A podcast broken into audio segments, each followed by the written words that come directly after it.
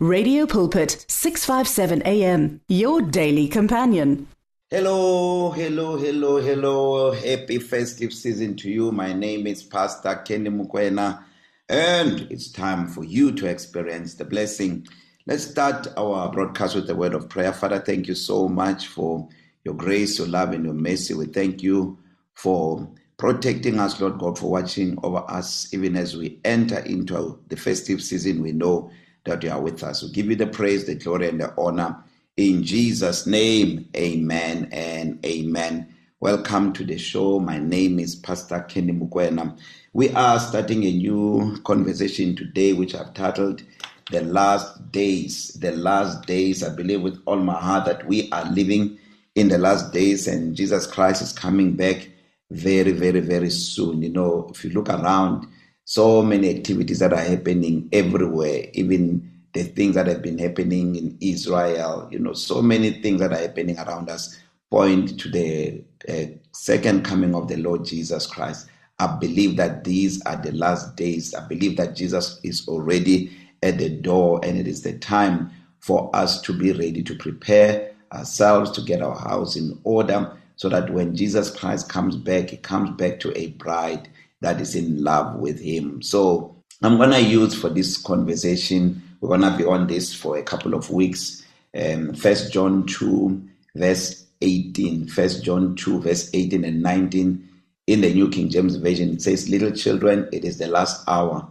And as you have heard that the Antichrist is coming, even now, many Antichrists have come by which we know that it is the last hour. And then verse 19 says, They went out from us because they were not of us. For if they had been of us, they would have continued with us, but they went out that they might be made manifest that none of them were of us. So we're living in the era or age of deception where so many people are deceived. You know, the Bible tells us that in the last days, you know, people will not endure sound doctrine because one of the reasons why it's so difficult for people to endure sound doctrines because it's so easy, you know, right now more than it was before to listen to so so so many voices, you know, especially young young young um, um, Christians or young preachers, you know, um, always searching for sermons on on YouTube, on Google, you name them, and listening to so so many voices to a point where you can't differentiate between what is error and what is true. Remember Uh, Jesus told us that, that, in the last days men are going to be deceived. In Matthew um, 24, verse 5 and 6, Jesus told us that in the last days many are going to be deceived. And we see that happening right now. And my prayer for you is that you get to know the Lord yourself, you get to know who Jesus is, you separate yourself, spend time in the Word, and connect with the Lord on a higher level where He can impart Himself to you and, and, and, and reveal the truth to you because the Bible says in John chapter 8, verse 31, Jesus said, If you continue in my word, you shall be my disciples indeed, and you shall know the truth, and the truth shall make you free. We need to know the truth now more than ever. And beyond mere knowledge, we need the revelation of truth. We need the revelation of who Jesus is. Because when we talk about truth in the scriptures, we're talking about Jesus. Jesus said, I am the way, the truth and the life. No one goes to the Father except by me. So if Jesus is revealed to you and you know him very, very well, no, it is not possible for the enemy to deceive you. You remember Jesus talked about the actually we see in the book of Luke chapter 10 uh, the story about Martha and Mary. May, Martha was busy in the kitchen, troubled about so many things which she was doing for the Lord, and Mary was sitting at the feet of Jesus and listening to his word.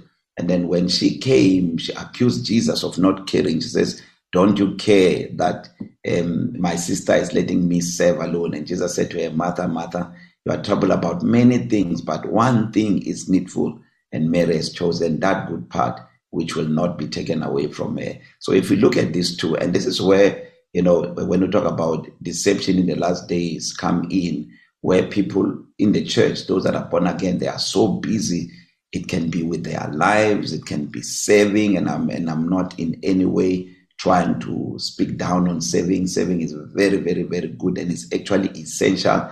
And it's one of the things that we have to do when we are the righteousness of God. But if you look at the scriptures very, very, very well, you will see that, you know, even when you read First Corinthians chapter 13, where it talks about if you give your body to be burned, but you have no love, that that profits you nothing. So there's a lot of people that are so distracted right now, troubled about many things, you know, both outside of the church and even in the church. People are so busy, they don't have time to to, to, to listen to the word, they don't have, don't have time, you know, to invest in the word and in prayer and get to know the Lord intimately. Remember, the Bible tells us in the book of First Corinthians 1, verse 9 that God is faithful by whom we were called into fellowship with his son, into koinonia with his son. So what we see in the days we are living in is because so many people are deceived and what caused them to be deceived is because they cannot sit and be taught by Jesus Christ himself because when we preach on the pulpit what we try to do is to facilitate a place where you can seek the Lord for yourself where you can connect with the Lord for yourself. We're just pointing you to the right direction, giving you the material and the hunger and the thirst that will drive you into the presence of God. But if you never go into the presence of God yourself, you open a door for you to be deceived. So if you look at this verse that we are we are we are reading here, um, First um, John two verse eight, and it says, "Little children, it is the last hour." This is an emphatic statement. It's a statement of fact. It says, "It is." the last hour, and I believe it is the last hour. You look at the weather, just the weather. You know, um, in a few, a few last week, I think a week before last or last week, there was a storm in Gauteng that um, uh, damaged so so many vehicles. A storm that came out of nowhere. Actually, it's not even last week; it's just earlier in the week. A storm that came from nowhere, and we see that in many parts of South Africa. We see that in many parts of the world. I mean, you look at the earthquakes that are happening all over the world just in the past 10 years. It is reported that the earthquakes that have happened in the past 10 years, they far surpasses the earthquakes that happened um, since the world began. This tells us that Jesus Christ is really, really coming back. And the Bible also tells us that in the last days there will be so much iniquity. Iniquity is going to abound, although we know that when iniquity abounds, grace abounds much more. So we see these things happening, rumors of wars. You know, you look at what is happening right now in Israel, what is happening in Ukraine. Do you know that the eh, activities that happens in Israel, they attract the attention of the whole world. This is where now allies begin to take their position and wait for something to happen. You know, war can just break out any moment. You know, if one, if, if look at in Ukraine, for instance, if America can decide to say, um, we're going to stop this thing that Russia is doing in Ukraine immediately. And we are going into war. We are, we are partnering with Ukraine. We are invading Ukraine, fighting against Russia. All the allies of Russia will stand up and say, we say no to, the, to, to, to America coming against our friend. Now, that will then facilitate a war. I mean, we are on the brink of war even right now. Any wrong move by any of the world leaders it can be very, very catastrophic. And we can begin to see so much happening. So Jesus warned us that in the last days, there's going to be so many rumors of wars. So I want to encourage you that, you know, be aware of what is happening right now. And if you look at this same text that we are using, First John 2, verse 3, it says, And as we have heard that the Antichrist is coming, even now, many Antichrists have come by which we know that it is the last hour. So What we see here, uh, the Apostle John is telling us that the Antichrist is coming. The Antichrist is that guy who will uh, put a mark on the forehead and on the on the on, on or on the arm, and then those who, who take the mark, the Bible says that they are doomed for for forever, and that time is coming. But the Antichrist is being restrained right now because the Christians are still on earth. But there will come a time where we are going to be taken out of here as as um, First Thessalonians four sixteen tells us, the Lord will descend from heaven with a shout, with the voice of the archangel, and with the trumpet of God.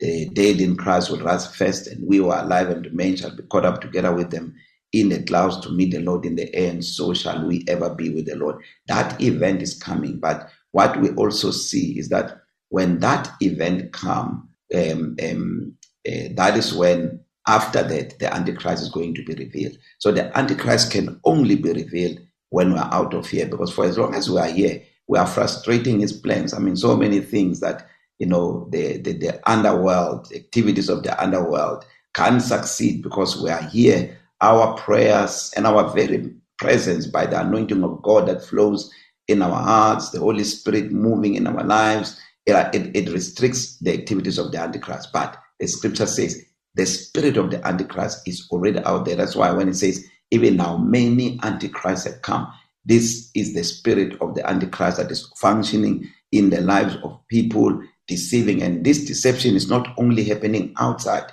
it's also happening inside. That is where um, verse 19 uh, come in. So verse 18 tells us that the, the many antichrists have come, but verse 19 says that they went out from us, but they were not of us. For if they had been of us, they would have continued with us. But they went out that they might be made manifest that none of them were of us. So deception also happens in the church by those that the enemy has planted.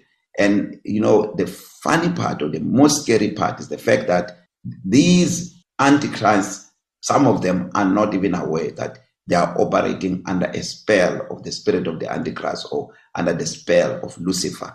They, they, he plants them in churches to bring division, and you'll see as we continue with this message that this is exactly what is happening. The enemy plants them, you know, to plant division, to plant, you know, discord, to plant strife, hatred, you know, come up with false doctrines, counterfeit Christianity that is weak. You name them, and you'll see as we move along with this message how important it is for us to know and understand what the Lord is doing right now so that we can be able to identify the spirit and know how to deal with it, especially um, in the church, because those who cause confusion, some of them are within. And that is why um, it's so important right now on as a pastor, if you are listening to this, to be careful about who you put in your leadership.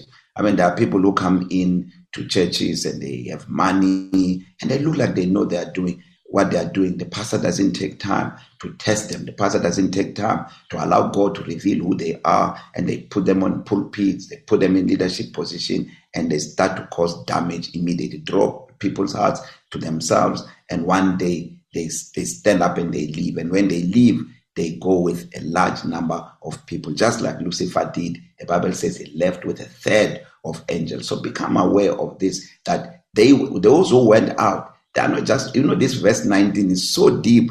It doesn't just talk about the, the these people um, went out because they were not of us. No, we, there is a part where it says they, were, they, they went out so that they can be made manifest that they were not of us. The things they begin to say, the things that they do, the damage that they cause. So be aware today that we are living in the last days, and we need to know what should we do now that we are aware that we are living in these last days. How do we protect ourselves from the spirit of the Antichrist. This is what this message is all about. So I've run out of time. I just want to encourage you today to please stay in prayer. We're talking about this message because it is very important that we stay in prayer, especially during this festive season. Do not take time away from God I mean, there are people who during festive season, they don't go to church, they don't pray anymore, they don't do the things that they do, they don't read the Bible. They are so busy having fun. I want to encourage you, stay in the word and stay in prayer. Pray for your families. There are so many things that happen during festive season. Don't be caught up in the negative of what is happening during the festive season. Always be found where the Lord is. So let me pray for you. Father, in the name of Jesus, I pray for my brothers and my sisters listening to this. I pray that you protect and watch over them and their families during this festive season in the name of Jesus Christ. If you are not born again, if not made Jesus the Lord of your life, just make this prayer with me. Say, Lord Jesus, I receive you now